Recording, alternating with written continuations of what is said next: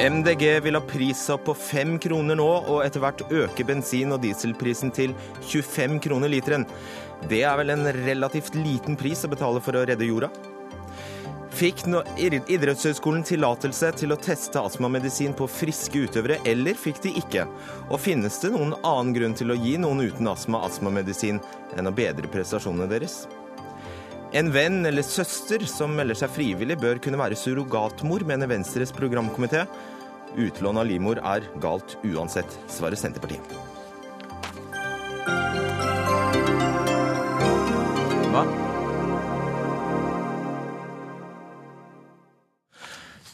Riktig god kveld og velkommen til ukas siste Dagsnytt 18. Jeg heter Fredrik Solvang. Frister det å betale 25 kroner literen for bensin og diesel? Ikke det, nei. Men frister det dersom det er løsningen på klimaproblemene våre? Miljøpartiet De Grønne vil ha fortgang i det grønne skiftet, og mener at drivstoffavgiften må øke, først med 5 kroner literen, og så på sikt øke slik at prisen blir 25 kroner literen. Og det er akkurat nå vi skulle hatt Rasmus Hansson, nasjonal talsperson i MDG, til stede i studio her for å snakke om sitt eget utspill, men han har da ikke kommet. Så vi får rett og slett starte med deg, Erling Sæther, og det er deg, ja. Direktør for næringslivspolitikk, NHO logistikk og transport. Ja, dersom Hansson skulle få gjennomslag for dette her, 25 kroner literen, hva blir konsekvensen? Ja, For det første, Han får jo ikke gjennomslag, for dette er helt useriøst. Men hvis han skulle få gjennomslag, så vil avgiftene for å kjøre en mil med lastebil blir firedobla. Da vil det koste 100 kroner mila bare i avgifter. Slik at dette er, Og det betyr igjen at landet, resten av landet, de utlendingene som ikke har kommet, landet vil bli tapetsert av utenlandske lastebiler. Hvorfor det? Jo, fordi at de utenlandske lastebilene betaler jo ikke 25 kroner literen. De kommer til Svinesund og så kan kjøre tur-retur Trondheim for 10 kroner literen. Slik at dette er helt bak mål. Men vi har jo en annen oppskrift som, som vår venn Rasmus Hansson burde lytte på. Nå kom han, så det var jo kjempefint. Her kommer han, ja. Dag. God dag. Eh, greit. Erling Ølstad, du er administrerende direktør i Mester Grønn. Ja, Hvis eh, jorda varmes opp slik at det blir umulig å eh, leve her, så får ikke du kjøpt, solgt noen blomster heller, så kanskje dette er en god idé? Du kan si at, at det at vi skal ta vare på klimaet, det er ingen tvil om. Og at vi skal gjøre ting som gjør at vi faktisk tenker om, oss om hvordan vi, vi bruker ressursene våre og, og, de utslippene vi skaper, det er det heller ingen tvil om. Men jeg tror vi må ta tinga i riktig rekkefølge, og det er jo kanskje det største problemet her. At det er ikke så veldig mange alternativer. Og skal vi ha det fantastiske landet vi har, med den bosettinga vi har utover i distriktene, og den verdiskapningen som er der, og skal vi transportere varene inn og fortsette ha produksjon og arbeidsplasser, så er det forslaget her, i hvert fall sånn som det framgår nå, helt, helt bare å glemme. Hva vil, ha, hva vil, det ha å si for dere? Nei, det vil ha si for alle som driver og, og, henter inn produkter i Norge, og alle som distribuerer produkter i Norge, så vil jo dette her eh, bety en, en, en, ekstrem økning i prisen. Og for alle norske landbruksvarer som blir produsert, så vil jo da, eh, selv om vi har høy toll på en del varer, så vil allikevel det ikke være nok til å kunne fortsette produksjonen på hjemmebane. Og da vil veldig veldig mange etter hvert måtte flytte inn til byene, og så kan du si er det det man ønsker. Som en liten tjeneste, Rasmus Hansson, siden du kommer for seint, skal du få gjentatt uh, argumentene mot uh, dette her fra Setre, for, for, du har jo ikke fått med deg innvendingene. Setre, uh, du, det vil jo kunne ha klimaeffekt? Absolutt. Vi er for et grønt skifte i transportsektoren. Men vi har en helt annen oppskrift enn det vi leser oss til i VG i dag. Vi erkjenner at karbonprisen må økes. Vi er tilhengere av både pisk og gulrot, men først 5 og 25 kroner literen er Det går ikke uten andre tiltak. Ja, Hvilken annen karbonpris enn diesel- og bensinavgift? Ja, altså CO2-avgiften kan du tenke deg da på, på, på dieselen. Den er i dag ca. 1 krone 12 øre. Og hvis det er som Rasmus Hansson ønsker, så vil han iallfall firedoble den. Kanskje mye mer. Men det betyr at norsk næringsliv blir utkonkurrert. Men Du sa jo nettopp at du var for å øke prisen på karbon. Selvsagt. Ehm, eh, vi erkjenner at det kommer til å øke etter hvert, og det bør skje samordnet med Europa, ellers så blir vi utkonkurrert. Men vi er altså tilhengere av både pisk og gulrot, f.eks. lavutslippssoner, ehm, miljødifferensierte satser, den type. Pluss et CO2-fond, som jeg forstår eh, Hansson har eh, applaudert. Det betyr altså både pisk og gulrot. Og vi kommer til å levere en rapport neste uke hvor vi viser at vi kommer til å bli utslippsfrie om 14-20 år. Ok, vi får vente i spenning på den, da. Rasmus Hansson, nasjonal talsperson for MDG og stortingsrepresentant, velkommen. Takk. og Beklager at god grunn. for seint. Regner med du har en veldig god grunn. Den tar vi seinere. Ja. Hvor kjapt bør prisen økes til 25 kroner? Ja, Skal du høre på forskerne, så bør den økes til 25 kroner i neste års statsbudsjett. Og Grunnen til at de sier det, eh, det er jo at de vet at det er det som må til for å få ned eh, utslippene fra eh, veitrafikken så fort som regjeringen selv har forpliktet seg overfor EU til at det skal ned. Altså Regjeringen og Stortinget har jo forpliktet seg til at vi skal kutte disse utslippene, bl.a. i veitrafikksektoren, med 40 Miljøpartiet De Grønne mener 60% innen 2030. Og hittil så har vi gjort det motsatte. Altså Utslippene i veitrafikken i Norge har økt med 30% siden 1990 og med 10 siden, 20, uh, siden år 2000. Og det betyr jo Alle skjønner at da er vi nødt til å begynne å gjøre noe som vi ikke har gjort før. Og en av de tingene vi må gjøre, er å gjøre det mye dyrere å forurense. Derfor må vi begynne med en prisøkning. Eh, og vi foreslår at den skal være i størrelsesorden eh, fem kroner. Når det gjelder varehandelen, så foreslår vi altså også, som NHO påpeker, at vi kan f.eks. Eh, for, for det første får vi jo se på liksom, er det fem kroner eller er det et eller annet annet, men det må en kraftig prisøkning til. Og så kan vi bruke en CO2-fondordning som gjør at næringslivet betaler de pengene til seg selv, og betaler den tilbake til teknologiutvikling ja. mm. i næringslivet. Men, men dette konkret... må vi gjøre ja, for å få til den endringen som vi altså ikke, ikke NHO, ikke varehandelen, mm. ikke regjeringen, ikke Arbeiderpartiet, ikke Høyre, ikke Fremskrittspartiet har fått til til nå. Vi må gjøre noe nytt. Det må koste mer å forurense. Når du er så konkret faktisk til altså at du er tallfestere og sier du vet jo hvilken overskrift du vil få. 25 kroner literen er ganske gitt. Det vet vi utmerket. Ja, og, og 25 kroner literen er altså ikke det som Miljøpartiet De Grønne foreslår. Vi, er, vi ja, men, tør okay. ikke mer enn fem. En femmer, da. Forskerne, forskerne, er helt klare. Ja, det er det jeg skal spørre deg om, Rasmus Hansson. For når du er så Eh, når du er så tøff i trynet, så bør du også ha veldig solid forskning som viser at øker du bensinprisen og dieselprisen med akkurat fem kroner, så får du nøyaktig denne nedgangen i personbiltrafikken f.eks. Ja, og Det skal jeg jo gladelig innrømme at vi selvfølgelig ikke har. Men det vi har, det er uh, noen, enk, noen enk, jo, Vi har følgende enkle fakta. I veitransporten så må vi kutte utslippene med sånn i størrelsesorden 7 millioner, altså, 70, altså 40% av Ja, Mitt spørsmål går jo på om du vet at det vil skje. Det, og det er en, omkring en halv million tonn i året. Da må vi øke prisen så mye at det virkelig merkes. Vi har ikke forskning som sier at vi vil kutte en halv million tonn i året ved å øke prisen med, eh, med fem kroner. Dette er et forslag fra Miljøpartiet De Grønne side, og vi tar gjerne debatten om det er fire kroner eller seks kroner, eller som forskerne sier 20. 20 25. Mm -hmm. men, eh, men nettopp fordi vi er vel akkurat like opptatt av bosetting, av folk med dårlig betalingsevne, som vi vil gi skattelette for øvrig for å kompensere for dette her, og av uh, varehandelen, så foreslår vi noe som er tøft. Og vi ser jo på reaksjonen her at hvis, hvis, hvis varehandel og NHO snakker sant, så kommer det til å virke. Eh, men det som eh, de foreslår, nemlig ikke gjør noe, det kommer ikke til å virke. Og det er ikke riktig. Og vi har forskning.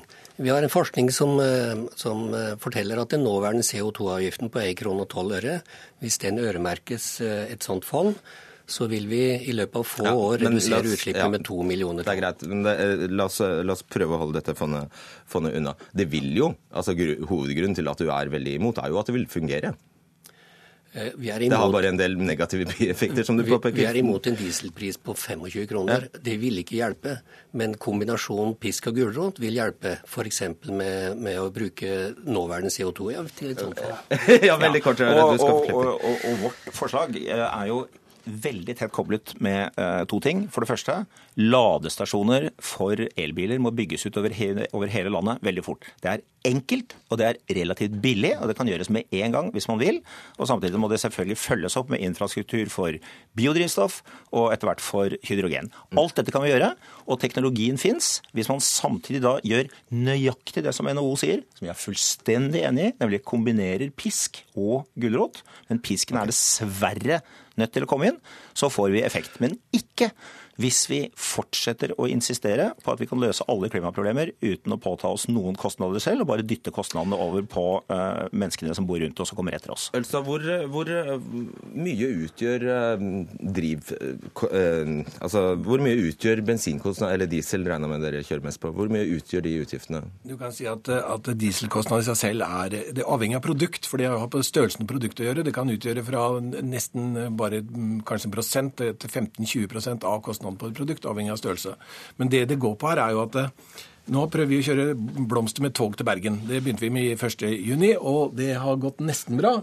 Men det går ikke helt bra, fordi infrastrukturen, altså banelegemet, er ikke godt nok. Det er stopp, og når det stopper, så kan ikke blomstene stå mange timer og vente. Det går ikke. De visner. De visner. Så, så det er helt klart at det som du sier, pisk og gulrot, helt greit, men da må vi være sikre på at, at når, har, når, dette skjer, så må det, ha, må det, være infrastrukturen rundt må virke. Vi må stole på ordningen og vite at dette her faktisk er noe som, som fungerer. Kan vi gjøre det, så, så er jeg absolutt ikke imot at, at, at vi endrer på, på, drivstoffet vi kjører på.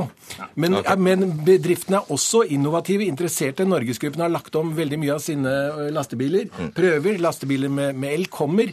Men som du sier, infrastrukturen må på plass. Da skal vi gjerne være med å prøve. Men, men, da må vi være enige, og vi er jo tydeligvis ganske nær å være enige, men vi må være enige med at vi må ta den overgangen med uh, litt pågangsmot. For det er altså et helt ubestridelig faktum at, nei, at uh, utslippene fra transportsektoren har bare økt og økt og økt og økt i snart 30 år. Ja. Det kan de ikke fortsette med. Vi er nødt til å gjøre noe nytt. Uh, dere har hatt sjansen i, i, siden 1990. Greit. Den har dere ikke benyttet. Nå må dere få litt hjelp. Takk skal dere ha. Rasmus Hansson, Erling Sæther og Erling Ølstad.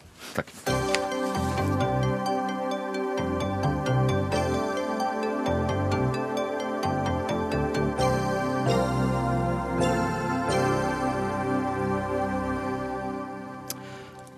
Da norsk skisport søkte om å få gjennomføre astmatester på friske idrettsutøvere for fem år siden, reagerte etisk komité i Helse Sør-Øst. Prosjektet fikk avslag, men ble anket. Testene ble etter det gjennomført. Det skriver VG i dag. Og nå står striden om prosjektet var godkjent eller ei. Stein A. Evensen, lege og professor. Du var sjef i denne etiske komiteen for Helse Sør-Øst fra 2007 til 2013. Hvorfor ble søknaden om disse astmatestene avslått i første omgang? I første omgang fordi den, eh, det var et eh, prosjekt som var lagt opp slik at man ikke kunne trekke egentlig vitenskapelige slutninger av det. Det gikk kort og godt ut på at man skulle gjennomføre tester på alle, uansett om de hadde astma eller ikke, under høydeopphold. Og Dessuten så ble det opplyst at dette var noe man utførte hvert eneste år. Det var en 20 år gammel praksis. Og dette så vi på som kvalitetssikring og ikke, ikke et vitenskapelig prosjekt. Du, ja. Hva besto denne testingen av? Den testingen de ville utføre, var å Det var i og for seg flere ting, men noe av det viktigste var at man skulle først gi et medikament som gjorde at man ble trangere i brystet. Og så kunne man gi to forskjellige astmamedisiner for å se om man ble lettere i brystet. Altså om, om luftrøret igjen utvidet seg. Og I praksis betyr det jo selvfølgelig at man får bedre pust og bedre kondisjon og kanskje bedre ytelse. Ja, Og dette, alle disse uh, utøverne var friske? Det, det, vet ikke jeg. Altså, Denne saken handler jo ikke om astma. Det er ingen, det er ingen som satt i komiteen den gangen. Nå eller, eller senere så må du mene at ikke folk med alminnelig diagnostisert astma skal ha behandling. Nei, vi vet, visste ikke det. Det var, det, var, det var, absolutt Hva var grunnlaget for avslaget, da? Ja, Det var som sagt at vi mente at det ikke hadde, det hadde ikke vitenskapelig hold i det hele tatt. Pluss at vi selvfølgelig mente at dette var bekymringsfullt. At friske utøvere ble utsatt for tre forskjellige medikamenter. Vi stemte det med som en slags eh, sending på løpet. Vi ga en etisk varsel allerede helt tidlig om at dette syntes vi var underlig. Og, og, så anket de det, og da utdypet vi kritikken. Og gjorde også da idrettshøyskolen oppmerksom på det, fordi vi syntes så alvorlig var det. Mm. Og det er altså eh, ved Norges idrettshøyskole disse testene har foregått. Lars Tore Rangland, du er prorektor der. Ansvarlig for dette prosjektet. Har, det, har dette prosjektet altså da vært gjennomført uten godkjenning fra denne etiske komiteen ved Helse Sør-Øst? Nei, det mener vi ikke er riktig. Altså det Evensen her, her eh, omtaler, er en prosess i 2012 eh, som eh, mellom forskergruppen og, og REC. REC er? Regional etisk Det er komiteen. komiteen. Den etiske komiteen. Eh, komiteen. Eh, svarene til forskergruppen var at, denne, at denne, dette prosjektet falt utenfor helsefors helseforskningsloven og derfor ikke var søknadsberettiget. Og det var det vår forskergruppe anket. Så det var ikke et avslag på søknaden, men det var, eh, det var eh, en prosess som endte i at REC mente dette ikke skulle behandles hos REC. Stemmer det? Det stemmer i den forstand at vi sa at det falt utenfor.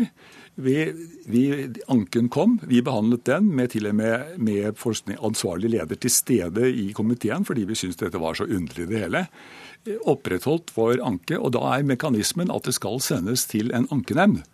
Ankenemnden behandlet saken og sa det at eh, hør her, vi er enige med dere, det er ikke noe godt prosjekt, men vi syns dere skal behandle det som et forskningsprosjekt. Eh, uten at de tok standpunkt til de meget alvorlige etiske innvendinger vi hadde mot prosjektet slik det var lagt opp. Deretter ble det stille. Det er, ikke blitt godkjent i det hele tatt, det prosjektet som ble sendt inn i 2012. Ok, Rongland. Eh, det som har skjedd, er jo at den prosessen med REC som Evensen snakker om, om, nå, som var en nyttig prosess med tanke på å videreutvikle prosjektet i, i en god retning, resulterte jo i en søknad til REC i 2013 om et, eh, om et prosjekt som var en utvidelse av det opprinnelige prosjektet. Eh, det er, heter, eh, vanvittig er, topp, er, er toppidrett skadelig for, for, luftveiene? Det prosjektet er godkjent uten merknad av REC, og det er det prosjektet som nå er gjennomført. Og Derfor mener vi at det vi har gjort, er å gjennomføre et forskningsprosjekt som vi har fått godkjent av REC gjennom den prosessen i 2013. Du skjønner sikkert selv at dette er veldig forvirrende for oss andre, men var det prosjektet da, like, var det identisk med det prosjektet som Evensen beskriver? Det, det ble søkt, søkt, om? Ja, Det prosjektet Evensen beskriver, inngår i det litt større prosjektet som ble godkjent. Stemmer det? Nei, dessverre. Det gjør det ikke, altså. Det, er, det, det stemmer ikke i det hele tatt. Eh, det er, forholdet var det at eh, det prosjektet som ble behandlet i 2013, er et helt annet prosjekt. Det inneholdt plutselig det oppdeling i grupper, ordentlig lagt opp på det viset. Og det inneholdt ingenting om behandling av gruppene med astmamedisiner. Og det er jo helt sentralt. Det er jo hele poenget, Rognan. Jeg tror at det er en viktig, en viktig premiss i denne diskusjonen, det er at det som legges til grunn fra Evensen, det er eh, at eh, NIHs forskere, denne forskergruppen, skulle undersøke prestasjonseffekten av astmamedisin. Det er altså ikke riktig. Hva var det de skulle gjøre da? Eh, å undersøke mekanismer for utviklingen av astma. Altså, den, en, stor, en, stor, misforståelse her eh, er at Evensen synes å mene at, astma? At, eh, at, det våre forskere skulle undersøke, var effekten av astmamedisin ja, okay, på prestasjon. Okay, det, det, det var, lå ikke til grunn overhodet i søknaden, og har ikke vært intensjonen bak studien. Det, er greit, men da må du være snill og forklare nøyaktig hva den skulle, hva den skulle avdekke. da undersøke eh, mekanismene bak utvikling av astma hos kondisjonsutøvere. Hva betyr det? Eh, hva, hvilke, hvilke, mekanismer kroppslige, nå er ikke jeg innenfor dette forskningsfeltet, men hvilke mekanismer eh, er det som resulterer i utvikling av astma? Ved hjelp av medisiner? Medisinene ble brukt for å undersøke disse mekanismene. På friske mennesker? På disse utøverne, ja som ikke hadde astma. Ja, Men det var ingen medisinering for å undersøke prestasjonseffekten av medisineringen. Men da har dere jo gjort men, nøyaktig det Evensen sier. Ja, men ikke med den intensjonen Evensen legger til grunn, og det er en vesensforskjell. Jeg ser det. Altså, vår, ja, ser, er det, er det ja, ja, okay. Vi har, ja. Prøvingen var jo lagt opp slik at alle mennesker de trenger ikke å ha kunnskap om astma, du trenger ikke å være idrettsforsker, du trenger ingenting. Det er lett nok å lese at når, når man gir alle som kommer opp i et høydeopphold, tilbud om å få astmamedisiner, og deretter undersøke om de faktisk får mer åpne luftveier ved å gi astmamedisiner, så kan det bare tolkes på én måte, nemlig at det dreier seg om å se om man kan yte mer.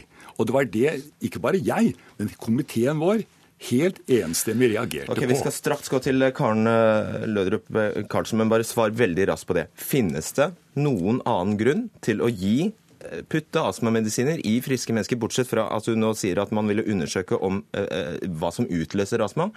Finnes det noen annen, annen grunn til å gi friske mennesker astmamedisin, annet enn at man vil teste om det er prestasjonsfremmende? Det, vi snakker om toppidrettsutøvere. Ja, og For å teste eh, mekanismene for den typen sykdom de eventuelt utvikler. Altså Det er en helt, et helt annet utgangspunkt enn å undersøke effekten av en medisin når det gjelder prestasjon. Det har aldri vært intensjonen, og det går etter mitt syn ganske tydelig fram av prosjektsøknaden. Alright. Det har aldri vært intensjonen med denne studien. Det har vært å undersøke mekanismene som fører til utvikling av astma hos, Er det- hos utholdenhetsutøvere. Ja.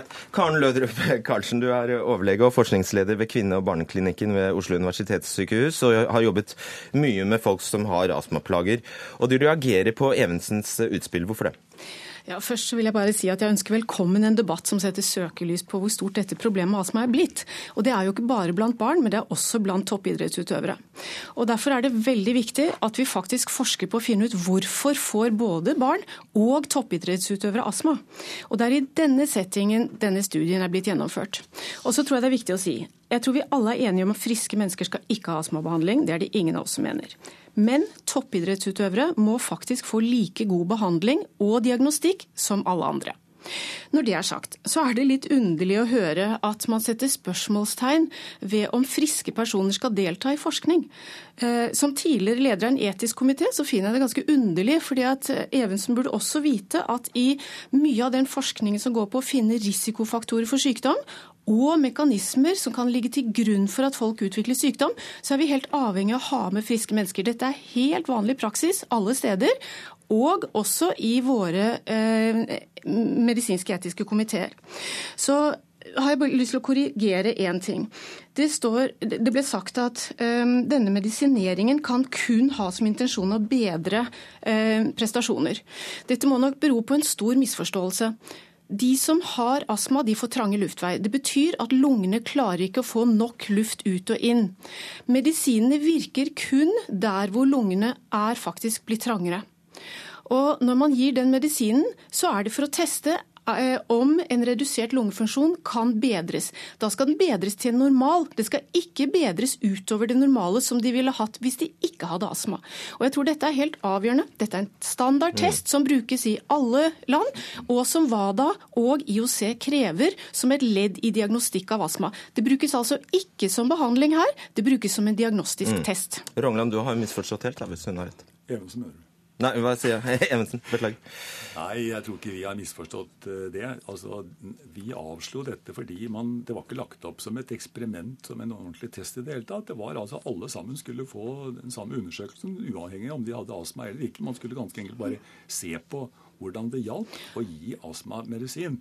Det var sånn det var, og det var det vi avslo. Ja, da har jeg lyst til å bare- bare, bare, bare korrigere det som kommer videre. Den neste testen som ble, den neste søknaden som ble sendt inn, inneholdt altså ingenting om disse medikamentene, og det var den som ble godkjent. Ja, men det må jeg bare få korrigere. Det er det- helt Og feil. etter det, og Nå- etter det har det skjedd noe dramatisk etter det. Jeg har, har søkt opp to artikler med utgangspunkt i det samme prosjektgruppen som er blitt gjennomført internasjonalt, og hvor de har brukt disse medisinene. Og mitt spørsmål er er det i det hele tatt søkt om godkjenning for de prosjektene? Jeg kan veldig Kanskje. berolige med at studien er godkjent, men i en annen komité enn den du ledet. Og Det som er helt avgjørende når man skal diagnostisere astma og teste om personer har astma, så bruker man altså noen metoder. Det ene er sykehistorien. Det andre er å undersøke lungefunksjonen. Og så undersøker man reversibilitet. Det er med altså de medisinene som åpner luftveiene.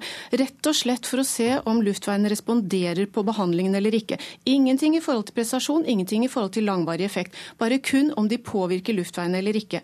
Den siste er bruk av bronkial reaktivitet, altså hyperreaktivitet, som toppidrettsutøvere særlig får. Disse testene ble det søkt for, disse ble det godkjent, og det er disse som har gjort. Ok. Rangland, ble det, uh, I hvilken grad har Antidoping Norge blitt informert om dette prosjektet? Antidoping Norge har etter det jeg kjenner til ikke vært involvert eller blitt informert om dette. Altså Dette er ikke et prosjekt som har handlet om å undersøke prestasjonseffekten av astmamedisin. Jeg, vil, jeg skjønner at det ikke var intensjonen, men er det det, er det, det som de facto har skjedd? Eh, nei, det er ikke det som har skjedd i prosjektet. Det, eh, og dermed så er heller ikke Antidoping Norge Eh, en aktuell samarbeidspart i, i, et sånt prosjekt? Jeg vil gjerne få lov å føye til hvis jeg kan få lov. Dette dreier seg altså ikke om doping. Dette dreier seg om forskning som skal prøve å forstå hvorfor utvikler toppidrettsutøvere astma. Dette dreier seg altså om mekanismeforskning for de som kjenner dette begrepet. Dette dreier seg overhodet ikke om doping, og jeg tror det er viktig at denne debatten faktisk føres inn på et riktig spor. Vi har nå blitt informert om at barn er redde for å bruke astmamedisiner fordi de blir tatt for å bruke doping. Dette er en skummel utvikling, og jeg tror vi må ha debatten litt mer edruelig.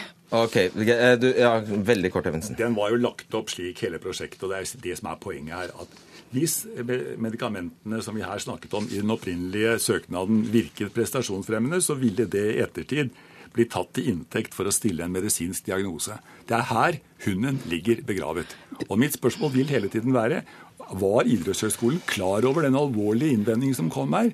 Og når er det man mener at man skal begynne å bruke den type av utprøving på helt friske mennesker. Det er ikke vanlig i Norge. Jeg må virkelig eh, Nei, få lov å faktisk ikke. Ja, du får faktisk Det blir nye runder, Karlsen.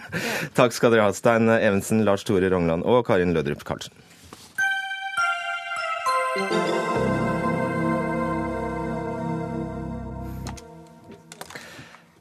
Gigantomani og feil bruk av offentlige ressurser, altså skattebetalernes penger. På denne måten retter profilerte advokater kritikk mot Økokrim og påtalemyndigheten for lang etterforskningstid og feil prioritering av saker i kampen mot korrupsjon og økonomisk kriminalitet.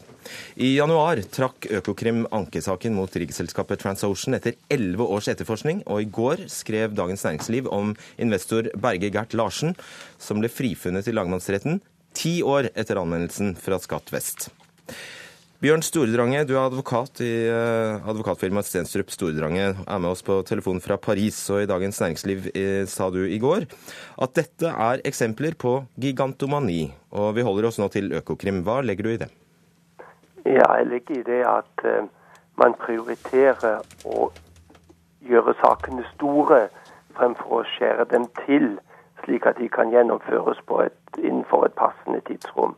Og mot, på den annen side så dropper Økokrim å ta inn mange saker som med, med rette kunne vært undergitt etterforskning. Og når du bruker... Ja, eh, og når du sier store, store i omfang, store i hva, hva da? Store i omfang, og ikke minst i varighet. Og det jeg har kritisert, er at når man lar straffesaker gå over mange måneder, opptil et år, så vil den bevisføringen som finner sted tidlig i saken, være glemt når saken er ferdig prosedert, og det er et rettssikkerhetsproblem. Mm. Det siste kan jo, eh, kan jo de fleste forstå, Trond Herikskje, Økokrim-sjef. nettopp det, altså, mye, mye, går tapt i løpet av 10-11 år. Ja, det eh, er et, eh, et, problem, eller i hvert fall en utfordring, at noen av disse store sakene kan bli langvarig og trekke på mye ressurser. Og det kan være rettssaker, som Stordranger sier, som går over mange måneder. Eh, og det vi forsøker eh, når vi snakker i hvert fall nå om eh, Økokrim Det er jo noen saker nå som, som ikke Økokrim har håndtert, som det snakkes om. Men når vi snakker om Økokrim, så, så jobber vi faktisk jeg håper å si på lag med Stordraget og forsøker å skjære til og begrense uh, hovedforhandlinger. Det har vi gjort. Høres ikke ut som han er helt tilfreds med den tilskjæringen? Nei, han er nok ikke det. Han sier at det er gigantomani også i forhold til dette. Det antyder jo at statsadvokaten nærmest bevisst eh, velger å kjøre lange straffesaker eh, i retten, altså lenger enn det som følger av god påtaleskikk. Man skal jo være overbevist, og så skal man være trygg på at retten vil komme til det samme. Eh, hva, det, ja, bare... det, det, tror ikke jeg forekommer Nei, særlig ofte. Så ille vil ikke disse menneskene seg selv heller. ikke, sant, ikke minst det. Ja, hva, hva, skulle, hva skulle beveggrunnen være for det, Sordra? Hva skulle en statsadvokat ha igjen på det? Nei, ja, la meg svare todelt på det. For det første så, så, så, tror jeg nok at Økokrim i snever forstand har blitt flinkere til å skjære til sakene. Det vi har sett av, av gigantomani de siste årene, har først og fremst knytta seg til Økokrim-saker som prosederes av andre enn Økokrim, altså de lokale, eh, de lokale politidistrikter. Eh, men så vil jeg si jo, svakheten når dette skjer, så er det fordi vi ser at påtalemyndigheten, og det gjelder også Økokrim, i for stor grad blir talsmann for og instrument for kontrollorganene. Ofte er det ligningsforvaltningen. Og Økokrim, eller påtalemyndigheten, blir da brukt og har ikke, en tilstrekkelig avstand og kritisk holdning til anmeldelser og synspunkter. Det er vel ikke Økokrims feil i tilfelle? Jo, det er absolutt Økokrims feil. og det har, med, det har med en hovedsvakhet i Økokrim å gjøre. At, eh, at man er uriktig organisert. Man bør ha større distanse mellom etterforskning og påtale, og mellom anmelderen og påtalen. Den kritikken har vi hørt før, Skje. Den kritikken har vi hørt før. Bare la meg si, Nå er det mye snakk om disse frifinnelse, og det er jo dramatikk i det.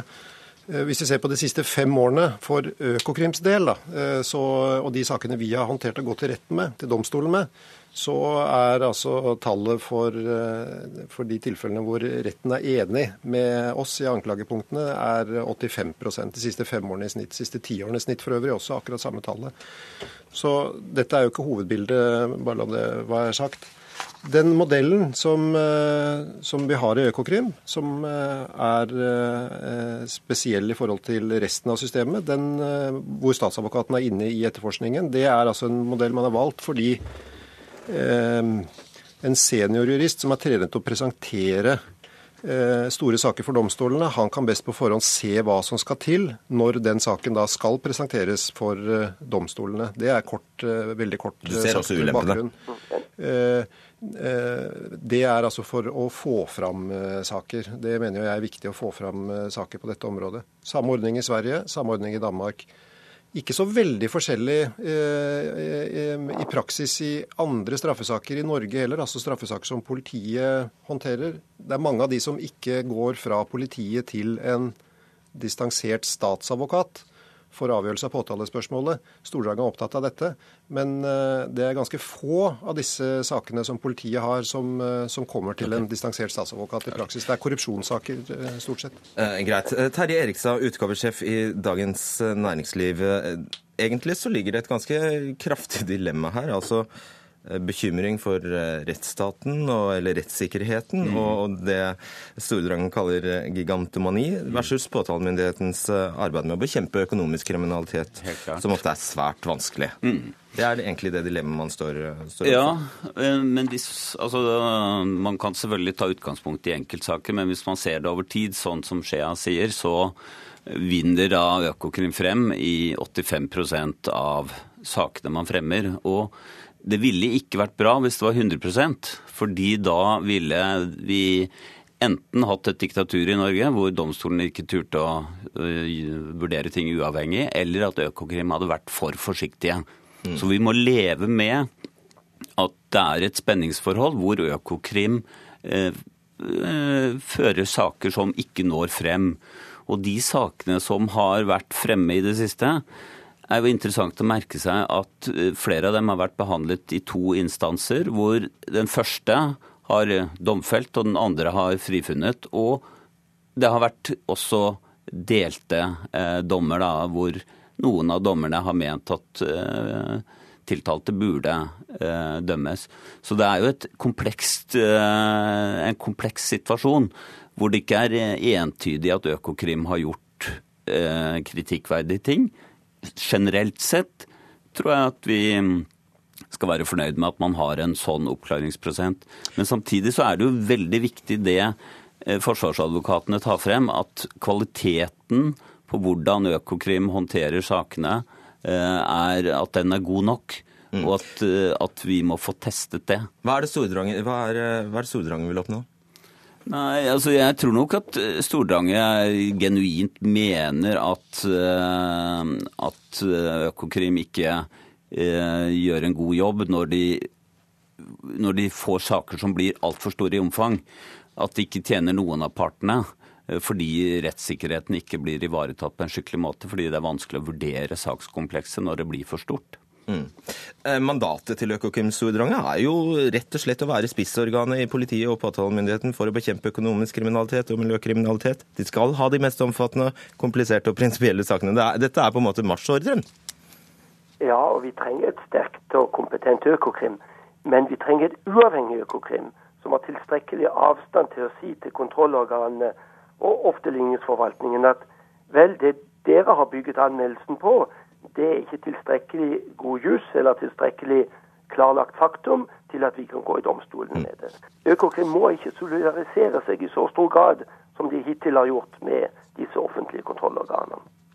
Uh, og det, det, det er for føye til at det ser man jo ofte også på, på, på, i tidlig stadium i etterforskningen, at kontrollorganene er med på ransaking og beslag og bistår Økokrim fra dag én. Det er prinsipielt uheldig.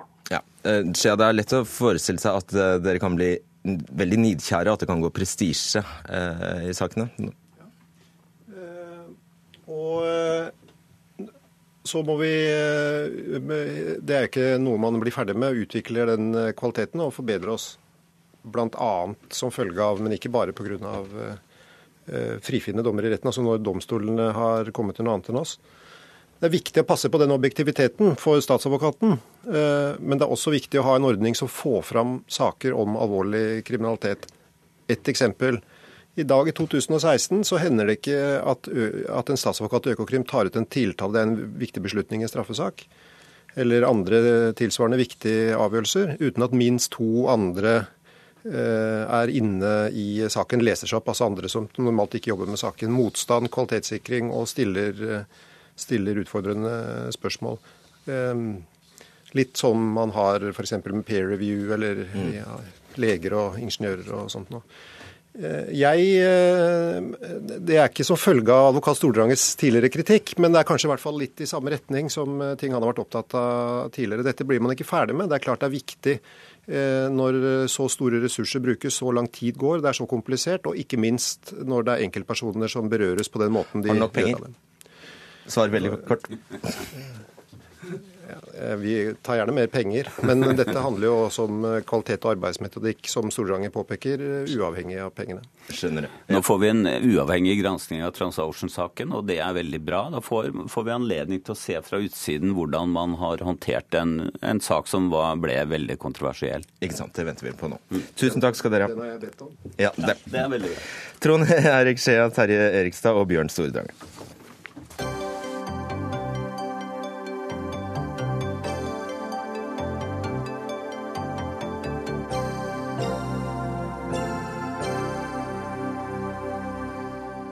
Kaoset i Islamsk Råd Norge er om mulig enda mer komplett enn for tre måneder siden. For etter at det forrige styret gikk av i protest pga. en personalkonflikt med generalsekretær Metab Afsar, har kritikken haglet mot både ham og det midlertidige styret.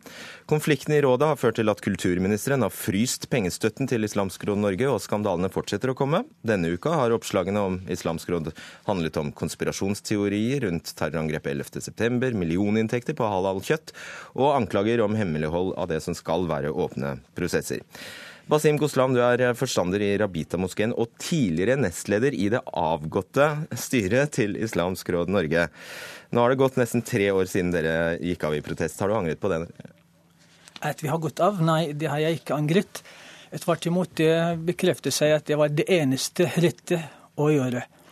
Eh, men det som jeg ikke er veldig fornøyd med, er at det, siden så har det heller ikke skjedd så mye eh, på den rette retningen. Eh, man hadde forventninger til at det midlertidige styret skulle liksom arbeide med to-tre viktige saker, men jeg ser ikke at det har skjedd. Mm. Eh, denne organisasjonen har jo til mål å arbeide for inkludering av muslimer i det norske samfunnet.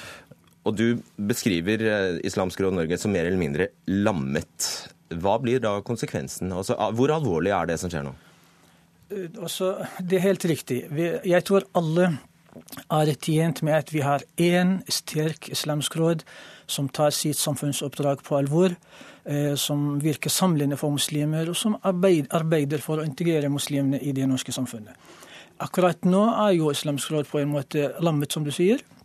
Eh, og det betyr at islams... Jeg sa det fordi du hadde sagt det. eller som jeg sier. Eh, og det betyr at det ikke skjer noe, verken for muslimer eller for storsamfunnet. Muslimer har store forventninger for sin organisasjon, og storsamfunnet har også både ens eh, forventninger og rett på en del eh, bidrag fra denne organisasjonen. Akkurat nå er det nesten ingen leveranser, ingen resultater. Mm. Andreas Slettholm, kommentator i eh, Aftenposten. Du har skrevet om eh, ståa, tilstanden i Islamsk råd Norge. Og du mener det er ganske, det er ganske alvorlig? Ja, det er i hvert fall en, en, organisasjon som er, om ikke allerede gått i oppløsning, så er den på vei dit. Og jeg tror at resultatet fort kan bli en, en splittelse, at Islamsk råd ikke blir den eh, samlende paraplyorganisasjonen som den har vært. Mm. Og I bunnen her, veldig mye av dette skriver seg fra en, en personkonflikt eh, med, som handler om Metab Afsar. Og Da skal jeg bare eh, påpeke at Dagsnytt 18 tidligere har fått beskjed av Afsar om at han ikke møter til debatt om kritikk av hans person. I går opplyste han til oss at han gjerne stiller i alle debatter, men at han må ha klarsignal fra styret. Så vi har forsøkt å nå styreleder Kebba Sekka, men han tar ikke telefonen. Og Afsar har heller ikke svart på de siste henvendelsene våre. Um, du viser til nettopp dette her, behandlingen av journalister, eller av uh, forholdet hans til offentligheten i din, uh, i din kronikk. Ja, det er i hvert fall mange som har vært eh, involvert i, høyt oppe i Islamsk råd, som mener eh, egentlig litt som, som Gosland her sier, at noe av det aller viktigste Islamsk råd skal gjøre, er jo nettopp å bidra til den offentlige samtalen, være synlig og, og, og fremoverlent i den offentlige debatten. Og jeg er jo egentlig enig i det i de tider vi lever i, at, at det er formålstjenlig. Eh, har, eh, der har jo generalsekretæren hatt en eh, helt annen tilnærming. og det er vel ikke noen altså Han er jo ikke til stede, men det er jo ikke noe feil å si at det virker ikke som mediearbeid er det han har prioritert høyest. Um, Basim Gosland, en av, disse, en av, de sakene som nå uh, kommer opp, er at uh, nåværende styreleder Keba Sekka, den nevnte, uh, ble tatt med buksene nede for 16 år siden da han anbefalte Kadra Josef om å la seg omskjære. Eh, hvordan kan en slik mann gjøre, gjøre comeback? Også Personen Kebba kan jo diskuteres. Jeg deler ikke det synet på hans person om at han er dårlig person. Jeg syns han er en ressursperson egentlig, og kunne ha bidratt med mye mer. Men det handler om organisasjonen akkurat nå. Eh, jeg mener at Islamsk råd har veldig gode eh, ressurspersoner, mange ressurspersoner, kompetente mennesker, og har stort ansvar og kunne og bør egentlig gjøre mye bedre jobb enn det som har skjedd de siste årene. Og Hvis det er ett grep som må til nå, hva er det? Eh, jeg har ikke mistet motet, ikke håpet heller. Jeg tror at Islamsk råd kan stables på bena igjen. Og jeg tror de fleste medlemmene begynner å forstå alvoret i dette. Og jeg tror at flere og flere vil kanskje satse mer på Islamsk råd. Så jeg har håp. Ja, Du har samtidig sagt at eh, en god del moskeer ser seg nå etter andre, ser seg omkring etter andre muligheter, dette, andre samlinger. Nettopp. Dette har vist det ikke går, men dette er absolutt den siste utveien. Men jeg tror faktisk det er fortsatt håp, og jeg tror at det vil, vil klare å komme på bena igjen og spille den rollen som er forventet. De klarte å holde, altså de, de holdte valgkomiteen, altså valgkomiteen som skal prøve å sette sammen nytt styre, hemmelig. Sletholm? Ja, det er jo uh, egentlig Altså, man kan mene hva man vil om, om Kebaseka Kebasekka og, og, Imam Madni, som det etter hvert kom fram at uh, satt i denne valgkomiteen som de forsøkte å holde hemmelig, men Ja, Han har kalt terrorangrepet i USA en jødisk konspirasjon. Ja, ikke sant. Og, og det, det, alene, at disse personene som er med det omdømmet de har i offentligheten, nå er det de som sitter i helt sentrale posisjoner, det er et uh, kjempeproblem for omdømmet til Islamsk Råd. Og omdømmet til Islamsk Råd er en sentral del av det Islamsk Råd skal drive med. Sier de deg noe utover altså at de kanskje altså, De påstår selv da at de ikke holdt at de ikke prøvde bevisst å holde denne valgkomiteen hemmelig, men det var vitterlig sånn at Vårt Land ikke fikk se den lista. Sier det deg noe? Ja, det sier i hvert fall at, eh, at, eh, de kanskje har mistet da, en del eh, personer som ville håndtert dette på en bedre måte, nå som, nå som Gosland og mange av de største moskeene i Oslo boikotter hele prosessen. Hva føler du overfor alt det som skjer nå, Gosland? Jeg tror igjen også at dette var klønete håndtert av enkelte personer. At det ikke var bevist strategi å holde noe hemmelig. Eh, Islamsk råd har alltid vært, eller bør i hvert fall være, gjennomsiktig, åpen og tolerant. Uh, ingen tvil i det, men, uh, men klønete var det veldig. Ok. Takk skal dere ha, Basim Gosland og Andreas Sletton.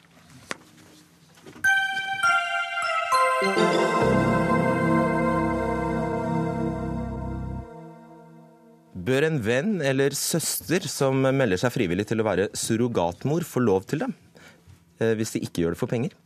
I dag er surrogati altså at en mor bærer fram noen andres barn forbudt. Men i sitt utkast til partiprogram åpner Venstre for å tillate såkalt altruistisk surrogati i Norge.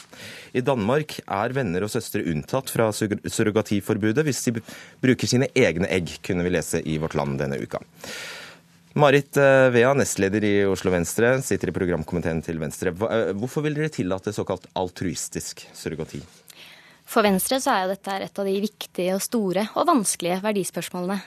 Og i sånne spørsmål hvor det ikke egentlig finnes kanskje et rett eller et galt, men hvor den enkelte må ta vurderingen og finne ut hva som er rett, så mener vi jo nettopp at beslutningen bør ligge hos den enkelte. Og det bør være opp til hver enkelt kvinne om hun har lyst til å stille sin livmor til disposisjon for en søster eller for en venn, for å hjelpe noen som er ufrivillig barnløse. Det er bare, viktigste argumentet. Ja, bare La oss ha begrepene klare for oss her. Dere vil altså tillate surrogati ved eggdonasjon. Mm. Det er et skritt lenger enn de har gått i Danmark og, og, Danmark og Sverige. Ja, eller i hvert fall Danmark. Det kommer jo litt an på hvordan du ser på det. På et vis er jo det hvis du får implantert et egg som ikke er ditt eget, men som er den moren som skal overta barnet barnet, da, hvis man kan si det sånn, så gjør det det kanskje litt enklere enn hvis du har ditt eget egg som gjør at den biologiske forbindelsen er nærmere enn den er når du får et, et fremmed egg inn i kroppen. Hm. Kjersti Toppe, stortingsrepresentant for eh, Senterpartiet. Sett da at noen har lyst til å hjelpe sine barnløse venner eller søsken med å bære fram eh, et barn. Hvorfor skal du si nei til det? Hvorfor skal du kunne hindre det? Dette er en sak som eh, ikke kun omhandler individets eh, rett. Eh, det omhandler jo òg en tredje person, altså hva vi skal tillate for å hjelpe å, å, å skape barn, eller å hjelpe barnløse. Og Da er det òg barnets rettigheter vi må, må tenke på, og hva slags ramme det skal være rundt dette å føde et barn. Og å tillate en slik form for surrogati, det bryter jo med prinsippet om at eh, den som føder barnet, den er, er barnets mor. Eh, og det at en tillate eller akseptere at en kan på en måte leie ut ei livmor. Da går jo en opp to trappetrinn i forhold til det som er dagens ramme eh, rundt det. Dessuten så er det jo ikke en ubetydelig risiko eh, en påtar seg eh, når en skal bære fram og, og føde et barn. Og mange hevder òg at dette med at det skal være venner eller, eller, eller søstre, Eh, og at det er helt frivillig. Det er mange som stiller spørsmål om det faktisk blir så frivillig at det ikke da kan bli et utilbørlig press eh, på andre for å nettopp å tilby slike tjenester. Så jeg mener Venstre sitt forslag er en veldig overforenkling av et eh, komplisert spørsmål. Hvordan skal du greie i praksis ved å unngå at penger eller tjenester eller motytelser blir involvert? Altså Det vi vet helt sikkert, er at i dag så reiser jo folk ut av landet og betaler penger for å få et barn.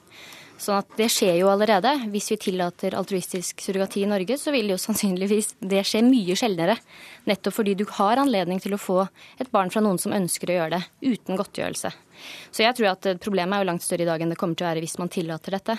Så er det klart at Selv om du forbyr korrupsjon, så kan du ikke alltid unngå det, men kan i hvert fall få et rammeverk og regler og noen retningslinjer som gjør at oddsen for det er mye mindre.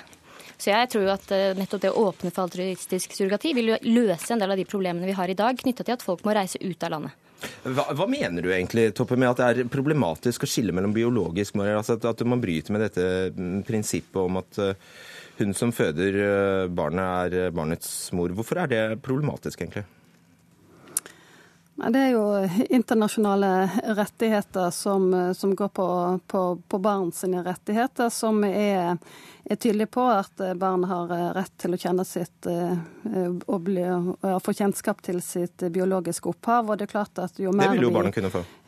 Ja, jo, jo, men jo mer vi deler opp den prosessen, jo, jo, mer komplisert blir det jo for et barn å forstå hvem som er sin biologiske mor. Er det den som har gitt egget? Er det den som har livmora? Eller er det den som har oppfostra barnet, og som, som en er med til, til dagen? Det er ikke nødvendigvis med Venstre sitt forslag at det er eh, den eh, samme kvinnen noen av det. Så klart at dette blir jo mer komplisert, mm. Eh, og, og, og, det er noe som er et etisk dilemma i, i, den, i den, debatten. At det er et dilemma, det er vel de fleste, fleste enige om. Et barn kan altså da vokse opp med en som både er mor og tante. Det kan bli komplisert. Vea? Ja, nå, Vårt forslag dreier seg først og fremst om den mest moderne formen for surrogati, nettopp hvor du får et egg, ofte fra den som skal bli mor, inn i din livmor, så du kan bære fram det barnet. Så da er det jo ikke noe tante, da, i dette tilfellet, som er mor, oftest. Men så tenker jeg at det er veldig komplisert, og jeg har veldig stor aksept for at mange kvinner ikke vil ønske å gjøre dette. Men nettopp fordi det er vanskelig, så syns jeg ikke det er et spørsmål staten bør svare på. Jeg syns at kvinnen selv bør ta stilling til dette. Og så er det jo gjort en del undersøkelser, for det er jo noen land som har hatt surrogati en stund, både altruistisk politisk og kommersiell for den saks skyld, hvor det viser seg at kvinner som har vært surrogatmødre, ofte har det veldig bra. De aller fleste går det kjempebra med. Det viser seg også i en studie fra London at barn som vokser opp hos surrogatforeldre, har det veldig bra. Fordi foreldrene er enda flinkere selvfølgelig vanskelig å måle, enn vanlige foreldre. Kanskje fordi de har vært så ekstra motivert for å få disse barna. Eh, Toppe, i, i, dag kan jo teknisk sett en kvinne bære fram barnet til, eh, til et annet par og så adoptere det til dem. Er for, eh, hvordan er dette annerledes? Eh, ja, eh, men spørsmålet er hva staten skal eh, tillate, og hva staten skal si er, er tilbudet for assistert ja, befruktning. Er det ikke da greit å bare og, bruke den leveregelen Vea har, at staten bør blande seg minst, minst mulig? Nei, jeg syns ikke det er på dette området. Tvert imot. Eh, fordi at eh, det er òg snakk om barns rettigheter. Det er ikke kun snakk om eh, foreldrene sitt ønske om å få barn. For vi må òg tenke på hva er barns rettigheter oppi dette her. Og om norske par reiser til utlandet og, og, og, eller hva som helst utenom Norges grense, så tenker jeg det er nærmest irrelevant. For vi må jo som helsemyndigheter og ellers en lovgivende myndighet bestemme oss for hva vi syns er akseptabelt eh, å tilby i Norge ut ifra våre etiske normer. Eh, og jeg frykter òg at eh, dette med å tillate ikke-kommersiell surrogati, at det blir en, en ganske rart raskt kan bli uklare grenser opp mot det som er en kommersiell surrogati. Ja, nettopp. Og helt til slutt, og veldig kort, Vea. Dette forslaget det har dere antagelig tenkt nøye gjennom, innebærer også å tillate noe som er forbudt, annet som er forbudt i dag, nemlig egg, eggdonasjon. Mm.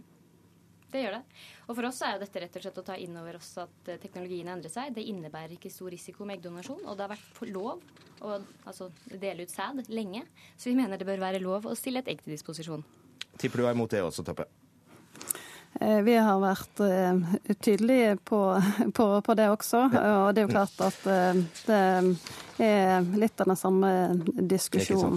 Vi må avslutte, men tusen takk skal dere ha, Marit Vea og Kjersti Toppe.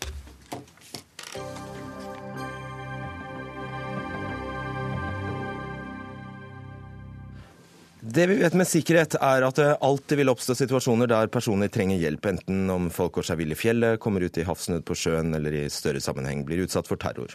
Onsdag kveld satte, eller meldte 16 personer fra om at de trengte hjelp i fjellet. De befant seg på Besseggen i Jotunheimen og ble hentet dagen etter i helikopter. Jon Halvorsen, du er enhetsleder for redningstjeneste og førstehjelp i Norsk Folkehjelp. Eh, og du har tidligere i et innlegg i Aftenposten, helt uavhengig av denne hendelsen på Besseggen, eh, etterlyst sterkere satsing på frivillige organisasjoner for å sikre beredskapen i Norge. Hvorfor? Dette er grunnfjellet. Det er grunnmuren som hele huset står på. Det er de lokale ressursene som rykker ut hver dag hele året, og de er ikke i regjeringas fokus. Og det er egentlig bare snakk om penger? Det er ikke bare snakk om penger. Det er snakk om hvordan vi øver, hvordan vi har satt opp økonomien vår, hvordan vi spiller sammen med det offentlige. Vi har i tre år nå bedt regjeringa sette seg ned sammen med oss frivillige og se på rammevilkårene for den frivillige redningstjenesten. Alt er i endring nå. Politiet er i endring, Forsvaret, Sivilforsvaret etter 22.07. Og nå må man ikke glemme de lokale ressursene, og det er det vi er redd for. Vi heiser et rødt flagg her nå og sier de lokale ressursene vi har ute i bygdene i fjordene i Norge, de er man ikke opptatt av, og det er livsfarlig. Ja, du skriver faktisk i innlegget at vårt langstrakte land er ute i en hengemyr og har satt den norske redningstjenesten i en farlig posisjon, fjernt fra realiteten i hverdagen eh, i hverdagens mange redningsoppdrag. Så, så tydelig er du. Det er så tydelig, ja. Og den eh, beskjeden bør du jo eh, helst ta, da, Gjermund Hagesæter, statssekretær i Justis- og beredskapsdepartementet for Fremskrittspartiet. Ja, og Det som jeg kan forsikre, det er jo det at vi har frivilligheten i fokus. Og eh, Bare i år så er det da et tilskudd til frivillige redningsorganisasjoner på 21 millioner kroner. og I tillegg til det så får man altså eh, refusjon av utgifter i forbindelse med redningsaksjoner, som utgjør ca. 15-20 millioner. Så har man også tatt en del andre grep. Eh, man har jo også fått bygd ut nødnett, som er viktig for de frivillige redningsorganisasjonene. Eh, og det har man også tildelt gratis, både terminaler og abonnement. Og det skulle bare mangle. Så hva, det, hva, Kan du forestille deg hva det er Halvorsen snakker om da? i det hele tatt? Ja, det skjønner jeg. for altså, De frivillige redningsorganisasjonene og ressursene er et uvurderlig bidrag i norsk beredskapsarbeid og, og redningarbeid. Slik at Jeg skjønner godt at han ønsker mer, men disse organisasjonene får altså mer enn det man har fått tidligere. Og de skal også få mer for framtiden. Nå har altså Kulturdepartementet de har sendt ut på høringsnotat i sommer om fordeling av Norsk Tipping sitt overskudd til samfunnsnyttige og humanitære organisasjoner. Og Her er det foreslått å sikre de tre store beredskapsorganisasjonene Røde Kors, Redningsselskapet og Norsk Folkehjelp særskilt, for særskilt for å ivareta nasjonal beredskap. Okay. I tillegg så er momskompensasjonsordningen den har økt til 1,3 milliarder kroner. Ja. Det er en betydelig styrking ifra vi overtok. Så vi har styrka på mange områder det. Men vi gir oss ikke det. Vi skal styrke videre. Det er, eh, det er fint. Halvorsen, eh, det er, det er så kanskje prosaisk som at det kan være snakk om at dere mangler lykter? Det er helt eh, enkle lokale ting. Fordi når alarmen går, så er du helt avhengig av de folka som er ute på fjellet. De har det beste utstyret, de har gode lommelykter, gode hodelykter, de har nok tid til trening. Bruker litt mindre tid på å steike vafler. Det er veldig hyggelig å få fine ord fra Hagesæter, og vi tror han på det han sier. Det er også veldig hyggelig at han nevner at den forrige regjeringa økte tilskuddet vårt. Men vi trenger faktisk mer. Er snart snakker om 20 millioner kroner som brukes på totalt 10 000 mannskaper i Norge. Alle skjønner at det er for lite, og det er en vits, egentlig. Er det da sånn at noen ikke får hjelp? Det er sånn at Dette er grunnmuren i norsk beredskap, sammen med de lokale ressursene fra politi, ambulanse og eh, brannvesen. Og det er ikke i fokus. Og hva som vil skje på Vi kommer til å rykke ut hver gang alarmen går. Og så kan dette forvitre hvis ikke vi bygger opp under de ressursene vi har på en god måte. Eh, har dere satt noe sum dere vil ha, eller? Den samla frivillighet, alle organisasjonene som driver med dette i Norge, har sagt at vi må opp på 65 millioner fra dagens nivå på 20 millioner. Og det er forsvinnende lite i forhold til alt annet man bruker på beredskap. Og det er det som er så demotiverende. Å se at pengene går alle andre veier enn til de lokale ressursene som er der døgnet rundt, året rundt. Og på ja, 20 sekunder kan du love de 40 millionene her og nå, Hagesæter? Ja, nå er det slik som jeg sa, så får man altså et tilskudd på 21 millioner i år. Og i tillegg til det så er det altså 15-20 millioner. som går, til, ja, ok, og det skal vi se på. Men dette er altså styrka under denne regjeringa. Og vi har sendt ut da i forhold til tippenøkler, som er positive signal. Og vi har også styrka momskompensasjonsordningen. Men jeg forstår det at uh, dette er et veldig viktig arbeid som blir gjort. Og det har vi altså styrka, og det skal vi styrke videre. Er Men jeg kan ikke si noe beløp her. Nei, det har vi skjønt. Eh, Jon Halvorsen og Gjermund Hagesæter, dere fikk avslutte Dagsnytt 18 i dag. Takk for at dere kom. Ida Tune Øresland, Finn Lie og Fredrik Solvang takker for seg og ønsker riktig god helg.